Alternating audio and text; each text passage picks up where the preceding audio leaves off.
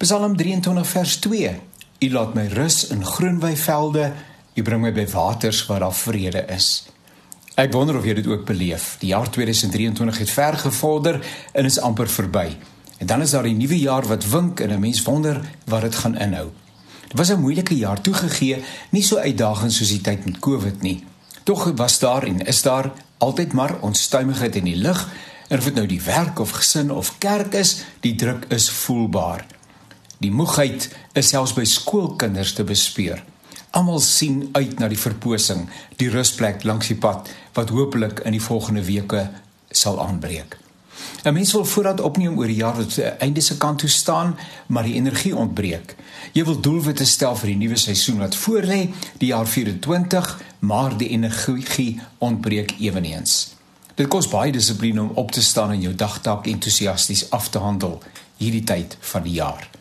Alles in jou roep dat jy tot stilstand sal kom sodat liggaam, siel en gees by wyse van spreuke net met mekaar kan opvang. Ek is so dankbaar dat die Here nie ook nog 'n klomp druk op 'n mens laai nie. As die Here Adam en Eva in die tuin besoek, dan gebeur dit in die aardwyntjie te midde van 'n gemoedelike, ontspanne atmosfeer. Ek kan my nogal voorstel hoe dit hy met sy kinders kuier en gesels. Ek dink dis hoe die Here ons gemaak het. Ons moet iewers tot verhaal kom. Net skoene uitskop en jou voete amper as strand op die koffietafel op die koffietafeltjie rus. Jesus het in die volheid van die tyd gekom sodat ons kan rus. Dis 'n aktiewe rus. Dis werk terwyl jy rus. Dis werk in die rus van God. Die wete dat hy die stryd op homself geneem het. Ons word net dalk so moeg omdat ons in ons eie krag werk. Die Heilige Gees bemagtig ons tog vir die taak waartoe die Here ons geroep het.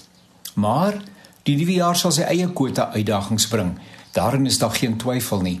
Moenie dit nou reeds vir jou rekening neem nie.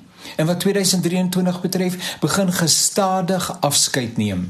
Vier wat goed was en vergewe jouself soos God jou vergewe vir dit wat minder aangenaam was.